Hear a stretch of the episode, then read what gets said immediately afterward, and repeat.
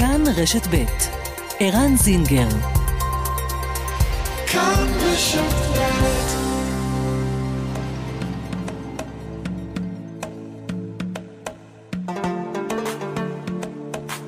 מרחבת, מגזין לעניינים ערביים בארץ ובעולם, עם ערן זינגר.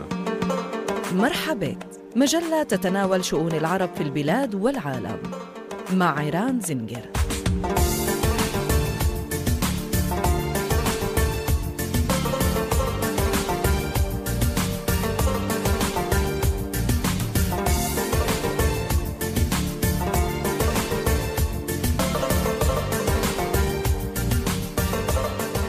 כמעט אה, שש דקות עכשיו אחרי השעה שתיים, שלום מאזינות ומאזינים, מרחבה כאן רשת ב', מרחבת, תודה שאתם איתנו.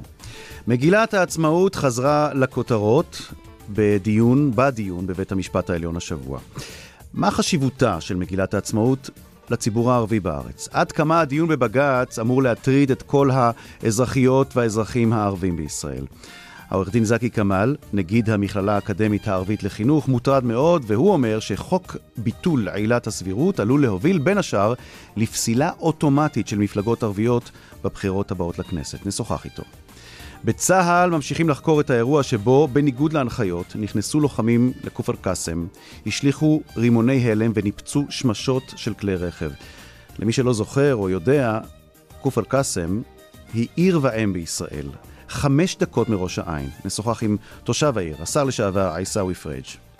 על רקע המצב הכלכלי המידרדר והפשיעה הפורחת ברחוב הערבי, בסכנין שבגליל מתכנסת ברגעים אלה הוועידה לפיתוח כלכלי בהשתתפות כלכלנים בכירים, מומחים ואנשי עסקים. נשוחח עם הדוקטור סמי מיערי, יושב ראש הפורום הכלכלי הערבי. וגם, ערב ראש השנה, השם הנפוץ ביותר לבנים בישראל הוא מוחמד. נאדר אבו תאמר מרדיו מכאן יסביר מדוע השם הזה כל כך פופולרי עדיין, ויספר על שמות ערביים שהפכו פופולריים לא פחות בחברה הערבית בשנים האחרונות, והם לא מוחמד. מרחבת, העורכת שושנה פורמן, המפיק אביגל בשור, טכנאי השידור הם אוסקר טרדלר ורומן סורקין, אנחנו מתחילים.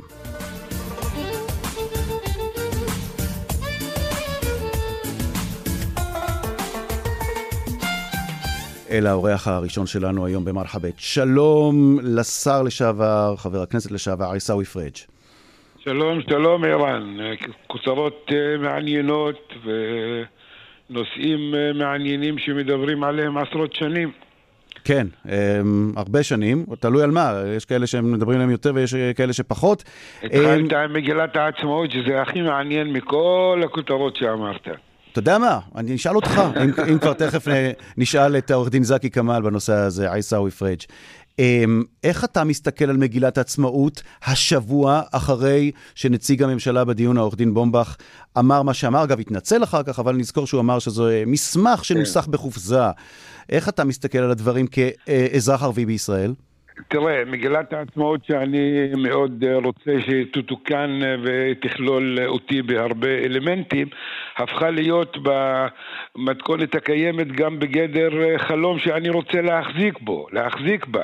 يعني אני רציתי לשנות שאני אהיה חלק ולקבל ביטוי יותר כציבוריות ישראלית שמגילת העצמאות תכלול את כל אזרחי המדינה הערבים כיהודים בכל המובנים, אבל החלום הזה התנפץ אה, מהחלת חוק הלאום וכל האמירות האלו שהפכה להיות להחזיק את מגילת העצמאות איך שהיא קיימת, הפך להיות החלום שלי כאזרח בתוך המדינה. Mm. אבל uh, ימים uh, עוד... Uh, טומנים לנו הפתעות אה, רבות. אתה אומר פה דבר מעניין, עיסאווי פריג'. אתה חושב, אני שם לב לדברים מעניינים שאתה אומר, כי אם אתה כאזרח ערבי אומר שמגילת העצמאות היום אין בה... אין בה חשיבות כמו שהיה פעם בגלל חוק הלאום. כלומר, הציבור הערבי, קשה לו יותר ויותר להזדהות איתה בגלל מה שעבר מאז. ואם העורך דין בומבך, נציג הממשלה, אומר בדיון בבג"ץ, אמ, זה לא המסמך המכונן, זה לא המסמך החשוב ביותר, אז אולי יש פה איזה שיתוף אינטרסים שאולי זו העת לפתוח את הדברים, ופעם אחת ולתמיד לנסח פה איזה מסמך שגם יהודים וגם ערבים יוכלו לחיות לאורו. תראה, החלום שלי תהיה חוקה למדינה שלי, למדינת ישראל. זה החלום שלי. החלום הזה רחוק מלהתגשם, אני ראיתי כל הזמן בשלב זה כמגיל, במגילת העצמאות כמין מיני חוקה, אוסף של חוקי יסוד שאני רץ וחי לגביהם. אבל לפי איך שהדברים מתפתחים ואיך ימין וימין על מלא משתלט על חיינו, אני פוחד אה, פחד מוות מכל אה, פתיחה של אה, הן מערכת המשפט והן מגילת העצמאות, כי הפתיחה תביא אותי למקום עוד יותר מסוכן ממה שאני נמצא בו. אז אני מעדיף בשלב זה להיאחז בקיים, לשמר את הקיים, ולחזק את הדברים, ואז העתיד יביא ויביא ויבוא ויביא איתו דברים טובים. אבל אנחנו הולכים למקומות אפלים, מאוד מסוכנים. ממה ש... אתה חושש? ממה אתה חושש בעיקר עכשיו שיקרה? אני, אני חושש מהקיטוב שהולך ומשתלט עלינו. אנחנו נמצאים אה, במצב שאני, מאז שאני נמצא בפוליטיקה ומאז שאני זוכר את עצמי, אני חושב שהמדינה היא מפוצלת. אה, הולכת אה, למקום שמפחיד, אני לא רוצה לחשוב, אבל אה, כל אה, החשיבה שאני רואה והדברים החל מכל העניין של המחאה או כל אה, סדר העדיפות של הממשלה שהקיצונים שולטים בה, אני פוחד שייקח אותנו למקומות מאוד מאוד מסוכנים. שעתיד עם סימן שאלה ענק, כי mm-hmm. בממשלה שאני הייתי חבר בה, הימין שלט. בממשלה הקיימת, הימין הקיצוני שולט. תבין את המשמעות. והימין אצלי שלט, אני הייתי בן שמאל, איש מרץ, שנאלצתי לזרום, אני וחבריי לזרום בכדי לשמור על הממשלה. נאלצנו למרות, לזרום. אתה אומר את זה למרות שניסו לצייר אתכם כממשלת שמאל על מלא, ובנט נכנע למנסור עבאס. איזה, שמאל, איזה בטיח, הימין שלט. אנחנו לא יכולנו להזיז עט שם. זרמנו כי ידענו שהחלופה מאוד מסוכנת. למרות הזרימה שלנו והכניעה שלנו על סוגיות ליבה שמעניינים אותנו, תקשיב mm-hmm. טוב, נכנענו. שילמנו מחיר אלקטורלי כבד על כניעתנו ושתיקתנו. נכון. ועכשיו הממשלה הקיימת, ימין על, על מלא, שולטת בממשלה וסדר העדיפות שלה אך ורק מאחזים תקציבים להתנחלויות, תנאים לאסירים ביטחוניים, זה סדר העדיפות, לא oh. יוקר מחיה, לא יחסי יהודים ערבים, לא הפסקת רציחות בחברה הישראלית בכלל. סדר עדיפות שונה ולמדו אה, מה...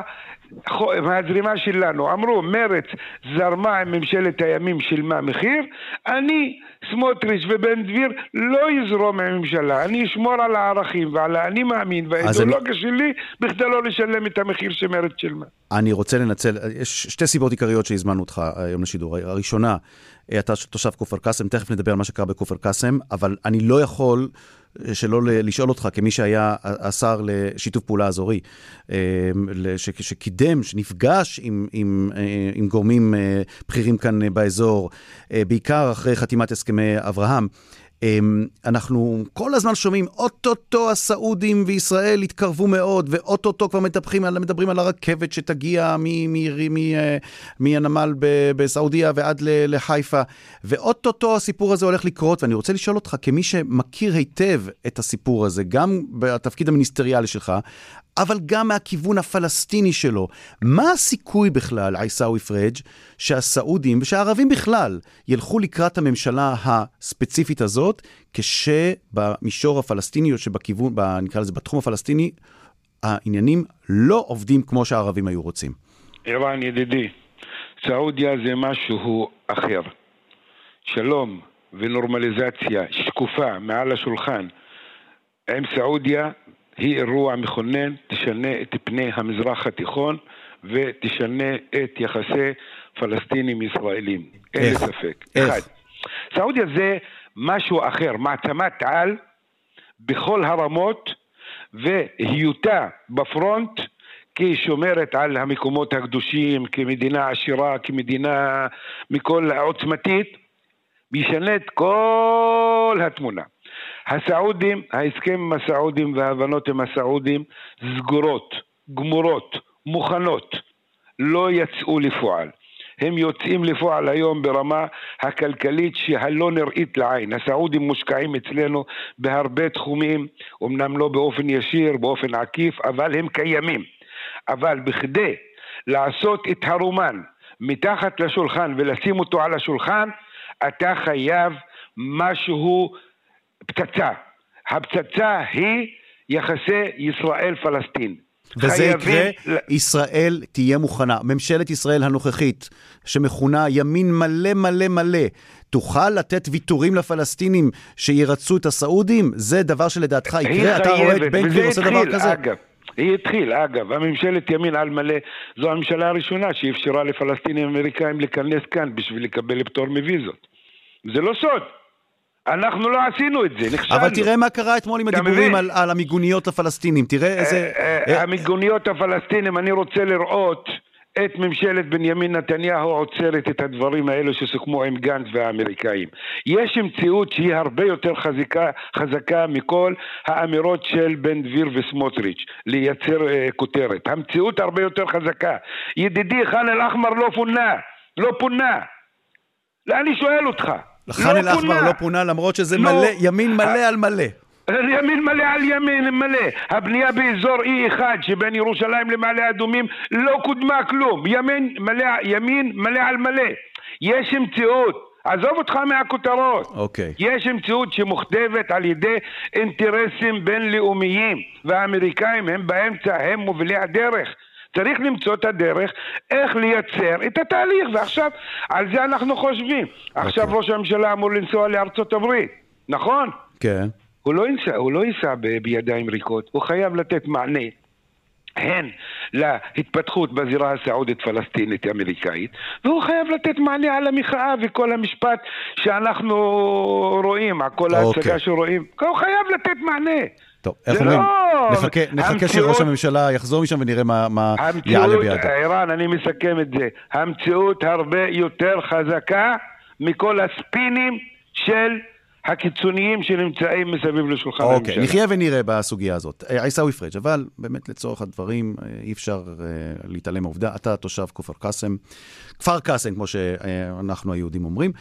אמ, אירוע חריג מאוד היה שם בזמן האחרון. חיילי צה"ל, לוחמי צה"ל, נכנסו ככל הנראה בשוגג לתוך, ה, לתוך העיר. אמ, מה אתה יודע על מה שקרה שם? כי ממה שהתפרסם בתקשורת, היה שם אה, זריקת רימוני הלם וניפוץ שמשות ו- וכמה נפגעים. אה, צה"ל בדק ואמר שהחיילים נכנסו לשם בניגוד אה, להנחיות, ועדיין חוקרים את הסיפור הזה. כתושב כפר קאסם, מה אתה יודע על מה שקרה שם, ומה אתה מרגיש בעיקר אחרי שזה קרה? תראה, שני מישורים. א', אני מאוד מצטער שזה קרה. זה עצוב, וזה לא צריך להיות דבר כזה. אנחנו נמצאים בתוך, בתוך ליבה של מדינת ישראל, אנחנו אזרחים. והאחריות על האזרחים בידי המשטרה, לא בידי צה"ל. חד וחלק, צה"ל נכנס לאזורים, לא אזורים אזרחיים, זה בש... באחריות משטרה. זה מאוד מצער, ותגובת דובר צה"ל גם אומללה, כי בתגובה של דובר צה"ל, מה שמשך את תשומת ליבי, אין נפגעים לכוחותינו. ברגע שאני קורא משפט כזה, זה מחזיר אותי ל-1956. Mm-hmm. גם אז לא היו נפגעים לכוחותינו. אתה מדבר על הטבח בכפר קאסם. הטבח בכפר קאסם. אדוני, אני אזרח בתוך מדינתי, בתוך מדינת ישראל. מה זה כוחותינו? מה זה כוחותינו? כוחותינו שלא פגעו באזרחי מדינה, אז כל הסוגיה הזו מגבירה את חוסר האמון בין התושבים אתה הערבים. אתה יודע מה, אני אשאל אותך ככה, נניח אתה, עיסאווי פריג', אה, מצליח להיפגש עם המפקד של אותו כוח. ואתה מביא אותו לכופר קאסם. מה אתה מראה לו בכופר קאסם ומה אתה אומר לו? מה אתה מסביר לו שאולי אה, אה, רבים בציבור היהודי לא יודעים עליכם, על כופר קאסם? תראה, כפר קאסם היום במציאות, על פי כל הפרמטרים וכל הנתונים, היא היישוב מספר אחד של מגע יהודים וערבים בכל מדינת ישראל. כפר קאסם נכנסים אליה ביום עשרות אלף, אלפים של יהודים שח, שג, שהפעילות העסקית ומערכת חברתית שנבנתה בין יהודים לערבים בכפר קאסם בצורה ראויה לציון. אני רואה חשבון, 20% מלקוחותיי יהודים שנכנסים לכפר קאסם לקבל את השירות של אה, ביקור, ביקורת וכל הדברים האלו. אזור התעשייה, שני אזורי התעשייה בכפר קאסם, יותר מ-400 אלף מטר מושכרים לחברות לוגיסטיות ישראליות, בעיקר יהודים. אז רמת הדו-קיום ורמת השיתוף פעולה כלכלי ורמת היחסי משפחות בין יהודים לערבים בכפר קאסם ברמת האינדיבידואל היא חסרת תקדים ומודל לחיקוי בכל מדינת ישראל. אז מודל החיקוי הזה, במקום למנף אותו ושיהיה בסיס לכל מערכת היחסים בין ערבים ויהודים בתוך המדינה, אסור לנו לפגוע בו. לשם כך, אני, מה שחשוב לי, איך אני מחזק את רמת האמון בין האזרח הערבי לבין מוסדות המדינה והמדינה. זה תפקידי. וכשאני רואה ששישה חיילים עושים פעולה חסרת אחריות שהרבה סימני שאלה מרחפים מעליה. תגיד, אבל לדעתך, כאזרח ישראלי, מי אשם שהחיילים האלה... לא יודעים לאן הם נכנסו, מה האופי שלכם, מה אופי היחסים שלכם עם יהודים, מה, מה, מה נקרא לזה, מה החשיבות של, של העיר, אה, מה ההיסטוריה של, של המקום. מי אשם בזה ש, שחיילים אתה... נכנסים ו, ו, ועושים מה שעושים ככה? אתה שואל שאלה שאנחנו שואלים את עצמנו, האם זה לא היה במתכוון, או האם זה היה בשוגג? אתה חושב שהם עשו את זה במתכוון? אני לא יודע. אני לא יודע. אני לא יודע, ברגע... איזה אינטרס היה להם לעשות את זה?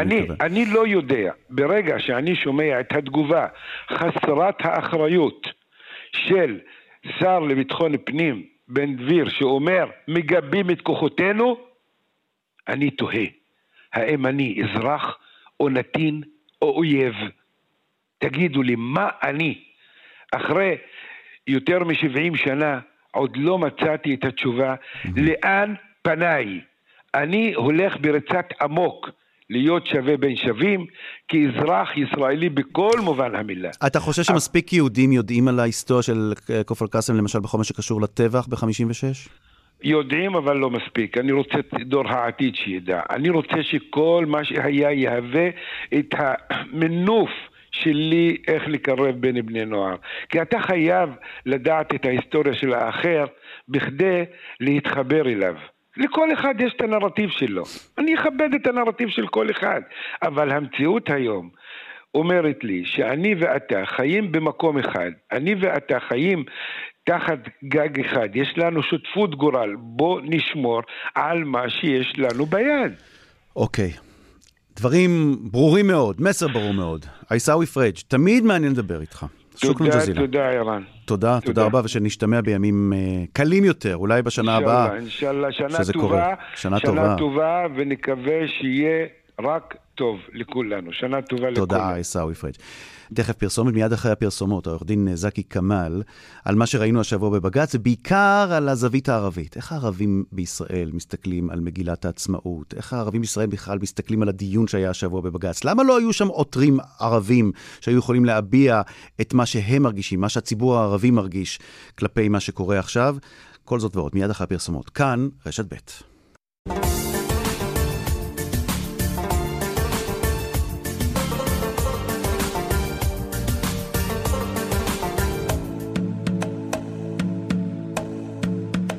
שלום לעורך דין זקי כמאל.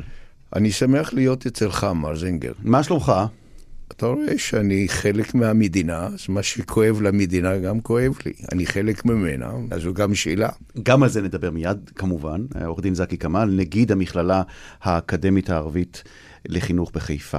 צפית השבוע, אני מניח, אה, בשקיקה, נכון? ב-13 שעות הדיונים של 15 שופטי בית המשפט העליון בירושלים, בכל מה שקשור לביטול אה, עילת הסבירות. יש דיון רחב עכשיו בחברה היהודית לגבי מקומה של מגילת העצמאות, בעקבות דבריו של עורך דין בומבך. איך נתפסת מגילת העצמאות היום בציבור הערבי?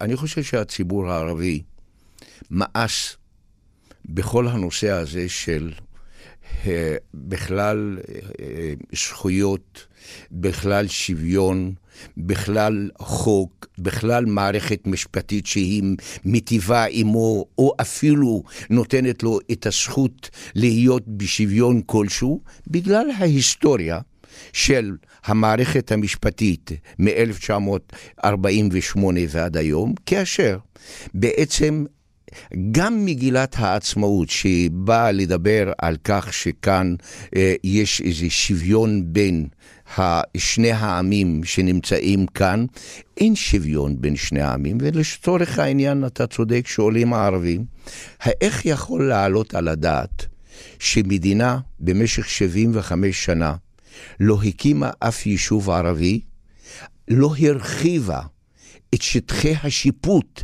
של היישובים הערבים, ובעצם נוקטת בחוק דרקוני שנקרא חוק אה, תכנון ובנייה, ועוד מוסיפים לו את החוקים האלה. צפית בדיון, האם היה חסר לך שהקול הזה שאתה משמיע עכשיו, הקול הערבי, יישמע גם כן על ידי עותרים ערבים? אין ספק. את זה אני, אני לא רק חושב שזאת הייתה טעות, וגם אני יכול לומר לך למען הגילוי הנאות, לא רק כלפיך כמי שאני מוקיר ומעריך, אלא גם כלפי המאזינים. אני כן שקלתי לעתור. אבל אני אגיד לך מה מנע ממני. מנע ממני דבר פשוט.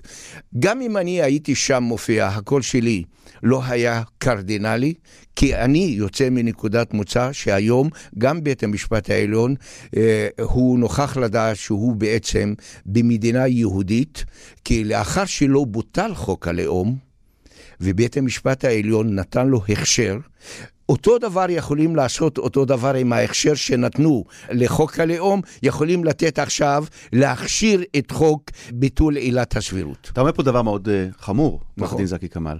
אתה אומר שכל הדיון הזה שראינו שלשום, כן. הוא דיון שנוגע ליהודים בלבד. בוודאי. הוא דיון פנים יהודי. נכון. והציבור הערבי רק מסתכל מהצד ואין לו שום השפעה עליו. נכון, ואני אגיד לך גם למה. ואני אגיד לך גם למה. צר לי אני חושב שאני אזרח מדינת ישראל נאמן, ושירתתי אותה בהרבה תחומים, לא פחות מהרבה פרזיטים שחיים מאותם מיסים שאני משלם וערבים אחרים, ואני לא מקבל אפילו תמורה, לא מהתשלומים שאני שילמתי במשך מעל 50 שנה כעורך דין, וגם אני, אני אגיד לך גם למה, אני חש שזה בעצם הצגה שהיא איננה, ותרשה לי לומר, זו הצגה שהיא איננה שייכת לי בגלל סיבה אחת. מה שכאן קורה, יש טעות יסודית במדיניות הישראלית היהודית. וזה לא רק ימין קיצוני. הרי מדינה מתוקנת לא הייתה מאפשרת לסמוטריץ' ולבן גביר ושותפיהם להיות חלק מממשלה שהיום מדינת ישראל חיה בתוך המזרח התיכון, פעם הייתה רק פיזית, היום היא גם מנטלית. זאת אומרת, היא היום מתנהגת בדיוק כמו המדינות במזרח התיכון, אה, חותרת להגיע לדיקטטורה, חותרת להרבה דברים שהם קשים מאוד באמצעות חוקים דרקוניים שלא מתקבלים על הדעת. מה, מה שאתה אומר פה, שאתה סבור שההתנהלות של מדינת ישראל היום מקרבת אותה יותר לשכנות של הערביות? אנחנו אסבחנה ערב? הפכנו לערבים? למדינות ערביות? למשטרים ערביים? בהחלט, ואני חושב שהימין הישראלי היום, הוא לא יודע. אתה יודע, יש בערבית, מנענה זלימן בוליה בהי. מי, ש, מי, מי שתומך ברודן, סופו שהרודן בעוד יהיה רודה בו. ואני יכול להגיד לך, כל הישראלים היהודים שהם חשבו שכיבוש זה יכול להימשך, שבעצם זכויות אה, אה, סלקטיביות, שאכיפה בררנית על ידי רשויות אכיפת החוק, ועוד ועוד ועוד. ערישה גם כן שונה בין קבוצה זו לקבוצה אחרת. זה לא, זה יימשך, אתה טועה. אני צפיתי ממלחמת ששת הימים עד היום, שבסופו של דבר הבומרנג הזה הוא יחזור ליהודים לא פחות חמור, ולכן כשאתה שואל אותי, אני כן אומר לך, אנחנו חלק מהמזרח התיכון. אוקיי, okay. כמעט שכחנו על מה היה הדיון בכלל, נכון? הדיון מדבר על עילת הסבירות. אם אכן תבוטל עילת הסבירות, העורך דין זקי כמאל, מה התוצאה הישירה הראשונה שתיגע לציבור הערבי בארץ? אני, זו שאלה הכי כבדה שלדעתי בדיון הזה. אתה יודע מה היא? התוצאה היא כך, בעצם כל חוק יסוד, ביטול עילת הסבירות, שאגב אף פעם לא הייתה חלק מחוק כלשהו. זאת אומרת, זה סך הכל יציר של פסיקת בית המשפט העליון ופסיקת בתי המשפט. זה כל הנושא של הסבירות. אתה יודע למה? כדי שוועדת הבחירות המרכזית, שהיא תפסול כל רשימה ערבית, כל רשימה ערבית, לבית המשפט הגבוה לצדק, בית הדין הגבוה לצדק, לא תהיה לו סמכות לבטל את החלטת אותה ועדה מרכזית לבחירות. ואתה חושש שזה מה שיקרה? 99.9 אחוז כמו הבחירות בסוריה.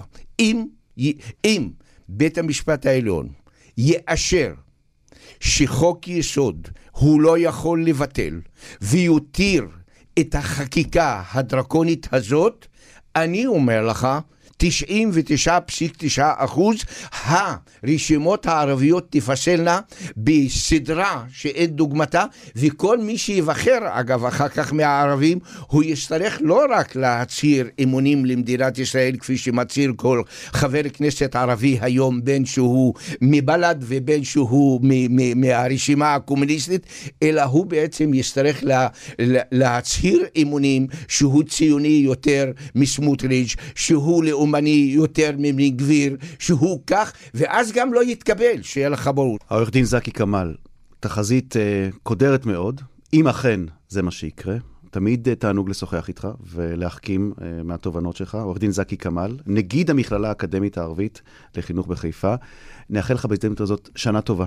אני גם רציתי לנצל את ההזדמנות הזאת בהתחלה כדי לאחל לאחיי היהודים כולם ואני אומר, אחיי לא בלשון מליצה, אכן אנחנו אחים, גם אם יש חילוקי דעות בינינו, ואתה יודע מה? יש לי אמונה מסוימת שיכול להיות ש... אני חושב שהעם היהודי יתעשת. זאת אומרת, המרכיבים הרציניים בתוך העם היהודי יבינו שמדינה לא יכולה להתנהל באופן כזה שאתה בעצם בא אה, לגרום לקבוצה אחרת אה, נזקים וגם לא לתת להם שוויון. זו מדינה יקרה. אני מאחל לכל העם היהודי שנה טובה ושיהיה לנו שלום בתוכנו, ואחר כך נחשוב על שלום עם סעודיה ועל שלום. הרי קודם כל נעשה שלום בתוכנו. תודה רבה, עורך דין זקי כמאל. תודה רבה. תודה לך, מרזינגר.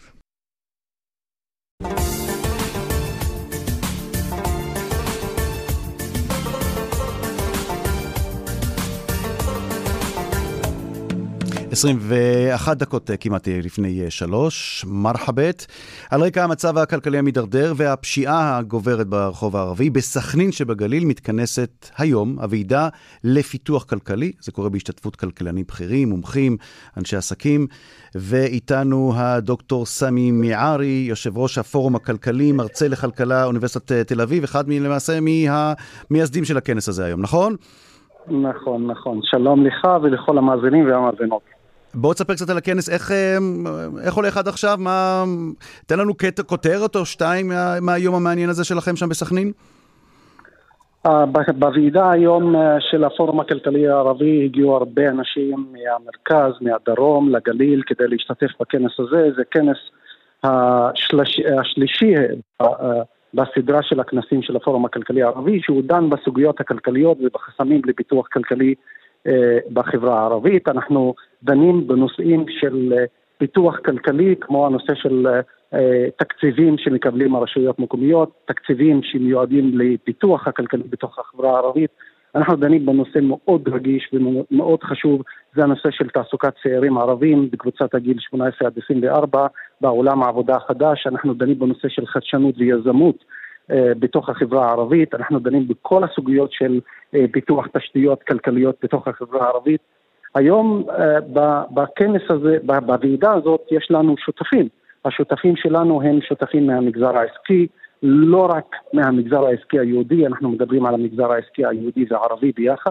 שותפות, נטוורקינג, שקיים בתוך הכנס הזה. יש לנו את הנציגים של המשרדים הממשלתיים בנוכחות uh, מבקר המדינה, בנוכחות uh, מנכ"ל משרד לשוויון חברתי מאיר בינג ונוכחות של הרבה uh, של בנק ישראל גם כן, והרבה מקבלי החלטות במשרדים הממשלתיים. אני חייב לשאול אותך, דוקטור מיארי, עד כמה הפשיעה ומעשי הרצח ברחוב הערבי והאווירה ברחוב הערבי, עד כמה זה מורגש היום בוועידה הזאת בסכנין? עד כמה אנשים מדברים על זה, ובעיקר על הקשר בין המצב הכלכלי, או בין השתלטות ארגוני הפשיעה והניסיונות שלהם להשתלט על, על מקורות אה, כספים, אה, לבין מה שקורה ביום-יום ברציחות. עד כמה אתם מדברים על זה שם עכשיו?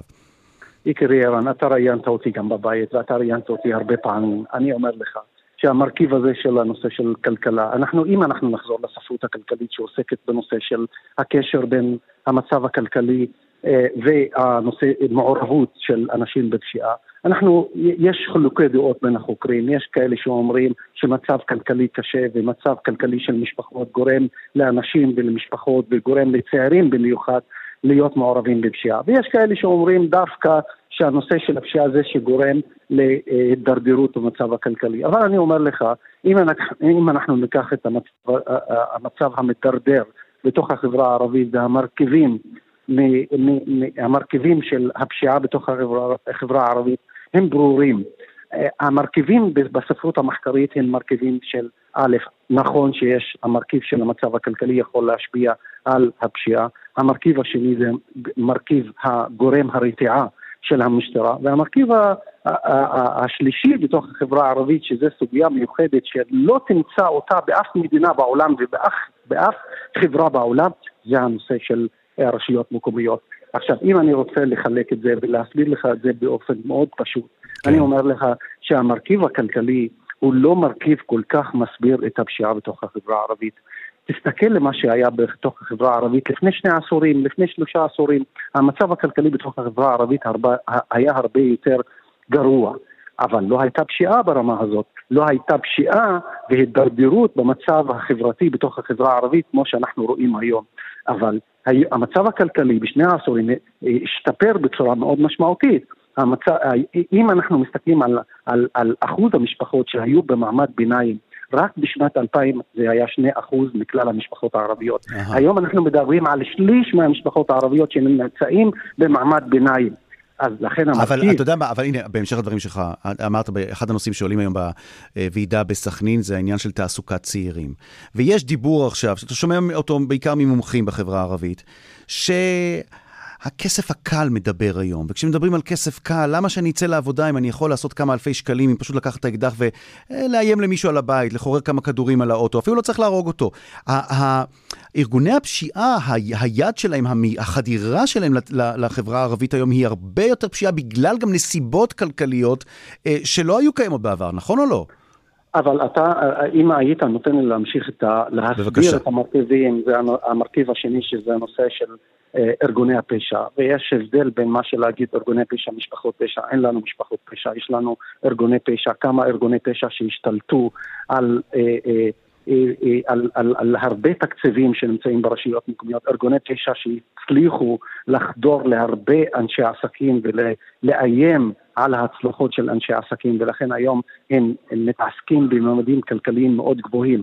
לכן הנושא, לכן המרכיב הזה של ארגוני הפשע הוא לא קשור למצב הכלכלי של החברה הערבית, הוא הרבה יותר קשור למה שנקרא גורם רתיעה של המשטרה.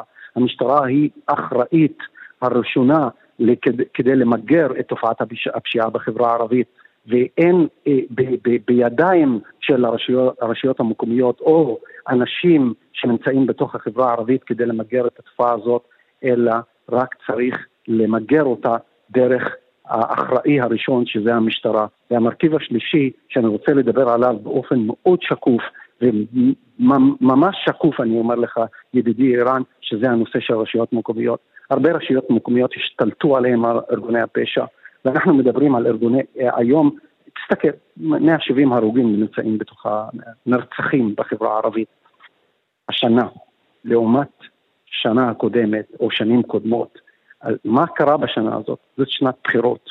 זאת שנת בחירות של הרשויות המקומיות הערביות, זאת מלחמה של ארגוני פשע כדי להשתלט על כמה רשויות, רשויות מקומיות ערביות.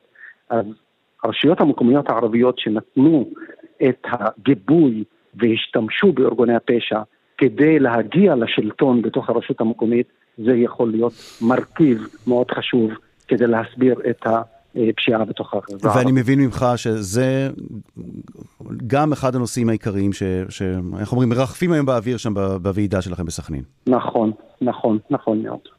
Mm-hmm. הוועידה שלנו היא לא ועידה של פרוטוקולים, הוועידה שלנו היא לא ועידה כדי לצאת בדוח שאומר, הנה הייתה לנו, היה לנו כנס והיה לנו ועידה בשיתוף אה, כלכליסט והרשות לפיתוח כלכלי והמשרד לשוויון חברתי ואנחנו התכנסנו והיה לנו הרבה שותפים בכנס. מה שאנחנו עשינו אותו בשנים הקודמות, בוועידות הקודמות, אנחנו הצלחנו לקחת את התובנות, לקח, הצלחנו לקחת את כל הממצאים ואת ההמלצות של הכנסים וכדי ליישם אותם בשטח. לקחנו את ההמלצות של שנת 2019 בכנס שנערך בנצרת ויישמנו אותו על ידי פרויקטים שיש להם אימפקט כדי לקדם את הכלכלה של החברה הערבית, על ידי חינוך פיננסי, על ידי פיתוח של אזורי תעשייה, על ידי okay. אוקיי. הקמת ועדה מקצועית שיכולה לתרום הרבה לאנשי העסקים ונשות העסקים בתוך החברה הערבית. היום בפורום הכלכלי הערבי יש ועידה מקצועית שמורכבת מ-80 אנשים. דוקטור סמי מיאר. לאנשים. אני מודה לך, דוקטור סמי מיארי, מרצה לכלכלה באוניברסיטת תל אביב, יושב ראש הפורום הכלכלי הערבי. כאמור, היום הוועידה לפיתוח כלכלי בסכנין. אה, נשמע שמאוד מעניין לכם שם היום בוועידה בסכנין. תודה רבה לך, דוקטור מיארי. תודה רבה. להתראות. ערב ראש השנה, והשם הנפוץ ביותר לבנים בחברה הישראלית הכללית הוא מוחמד. ואיתנו נאדר אבו תאמר. שלום נאדר. אהלן וסהלן, תחייתי איראן, כיף חלק? תודה רבה, כיפק. אלחמדוללה, חמד. אה, תכף נדבר על הקשר בין חמד למוחמד. נאדר אבו תאמר, סופר, מתרגם, עורך ומגיש תוכניות ברדיו מכאן. למה השם מוחמד הוא עדיין השם הנפוץ ביותר? מדוע הורים ממשיכים, עד היום הורים ערבים, ממשיכים לתת את השם מוחמד לילדים שלהם? הוא סימן טוב, הוא מבורך, מבחינת האנשים, גם הלא דתיים, אגב. זה, אנחנו לא מדברים רק על אנשים דתיים שקוראים לילדים שלהם בשם מוחמד. השם עצמו, שם יפה, עם קונוטציות מאוד אה, דתיות, עמוקות, אה, טובות, אה, משובחות. אנשים אוהבים לקרוא לילדים שלהם גם, לא רק בשם מוחמד עצמו, גם מחמוד ואחמד, והיום נפוץ גם כל הכינויים הקטנים, כל השמות המפונקים גם, שעושים לה מהשם הזה, שגוזרים מתוך השם הזה. לא, בוא נתרגם את זה בעצם. כן, תפדל. מוחמד. אלחמדוללה אמרנו, אתה זוכר? אלחמדוללה, כן, אלחמדוללה זה השבח לאל, נכון? כן. השבח הזה. זה שבח. תודה, שבח, נכון. כן, אה, משהו מבורך, יפה. שורש אה, אה, ח, מים, דל, נכון? חמדה, כן. חמדה. ומהשורש הזה יש הרבה מאוד שמות ערביים שנגזרו, כמו שאתה אמרת, אחמד, נכון? אחמד ומחמוד. אחמד, מחמוד, חמד, חמד, נכון? כל, כל, כל, הש... כאילו, כל המשקלים השונים, אתה יכול לגזור מהם שמות. גם השמות המפונקים היום, שמות הפינוק של, ה... של הילדים, אתה אומר לו חמידו, או... חמודי. חמודי, כן, או חמיד, חמיד א-שערי, שם של uh, זמר מפורסם. המון, כאילו, כל הגזירות השונות המתובלות מתוך השם הזה, נגזרות מתוך השם מוחמד. זה שם מבורך, שם הנביא מוחמד עליhi סלאטו וסלאם.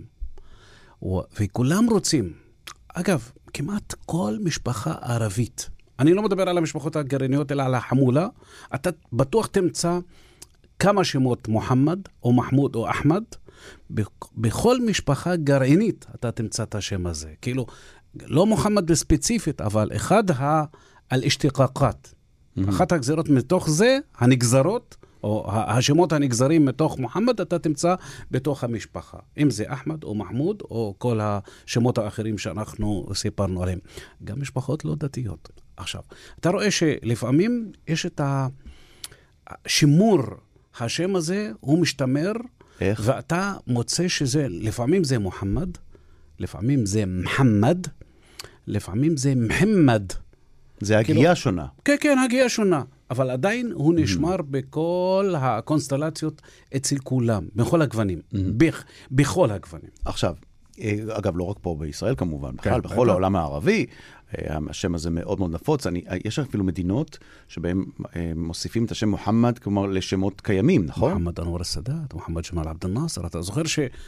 חלק מהשמות תמיד מוסיפים את המוחמד כאות ברכה, משהו יפה. מעניין. אגב, בחלק מהמדינות שבה חיים גם נוצרים, לפעמים מוסיפים את השם מוחמד לשם הנוצרי כברכה. נגיד אישה שלא נולדו לה ילדים, אחרי אה, כמה שנים, אומרים לה, אני אקרא לבן שלי בשם מוחמד, או אחמד. מעניין. מתוך ברכה, או אתה יודע, היא רוצה לחשוב בכיוון חיובי, ואז נולד לה הבן, היא לפעמים חלק מהשמות של המשפחות הוא שם נוצרי, והשם הראשון הוא שם הפרטי, הוא מוסלמי, והאחרון הוא נוצרי, מוחמד סליבה. מוחמד זה שם אה, נפוץ ושם מאוד מאוד מאוד, נקרא לזה, אה, ידוע, מוכר, עתיק במסורת הערבית-מוסלמית.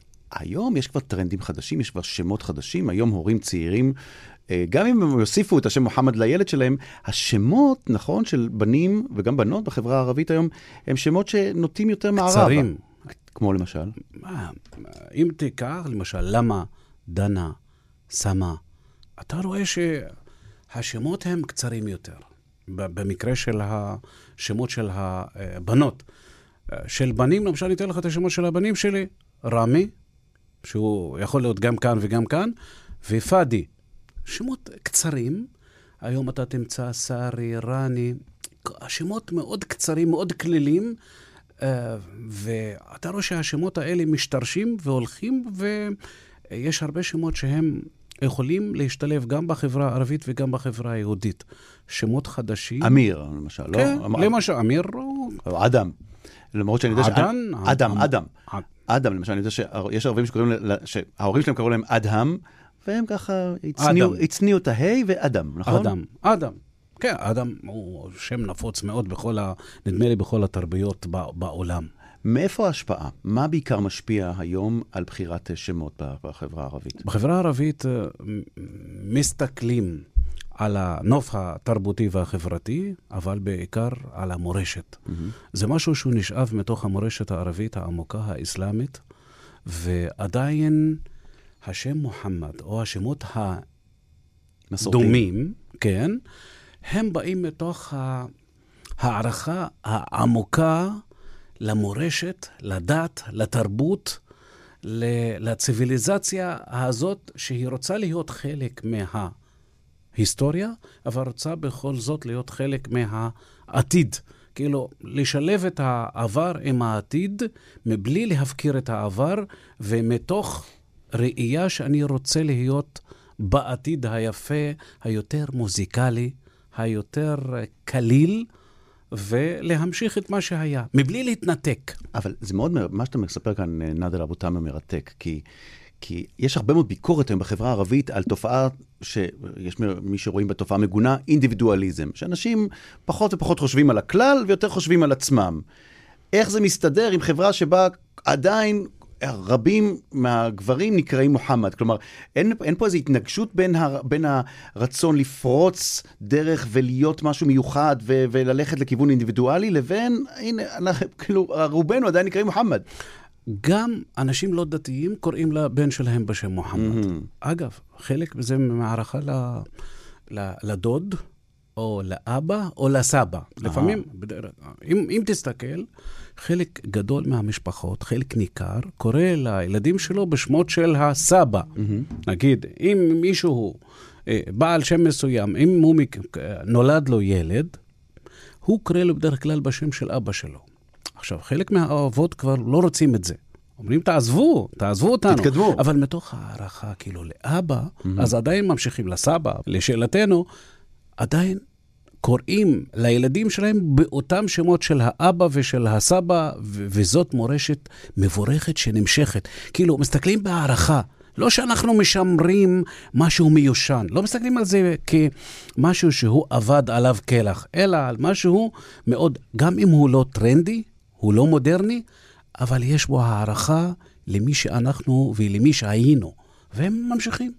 נאדר אבו תאמר, סופר, מתרגם, עורך ומגיש תוכניות כאן אצלנו בשידורים, ברדיו מכאן. שוכרן ג'זילן. وبهذه المناسبة كل عام وانتم بخير كل عام وأنت طيب بمناسبة السنة العبرية الجديدة أيضا عيران أنت وكل المستمعين כל המאזינים תודה רבה נאדר כל המאזינים בין אם נקראים מוחמד ולא משנה או שם אחר תודה נאדר תודה ביי ביי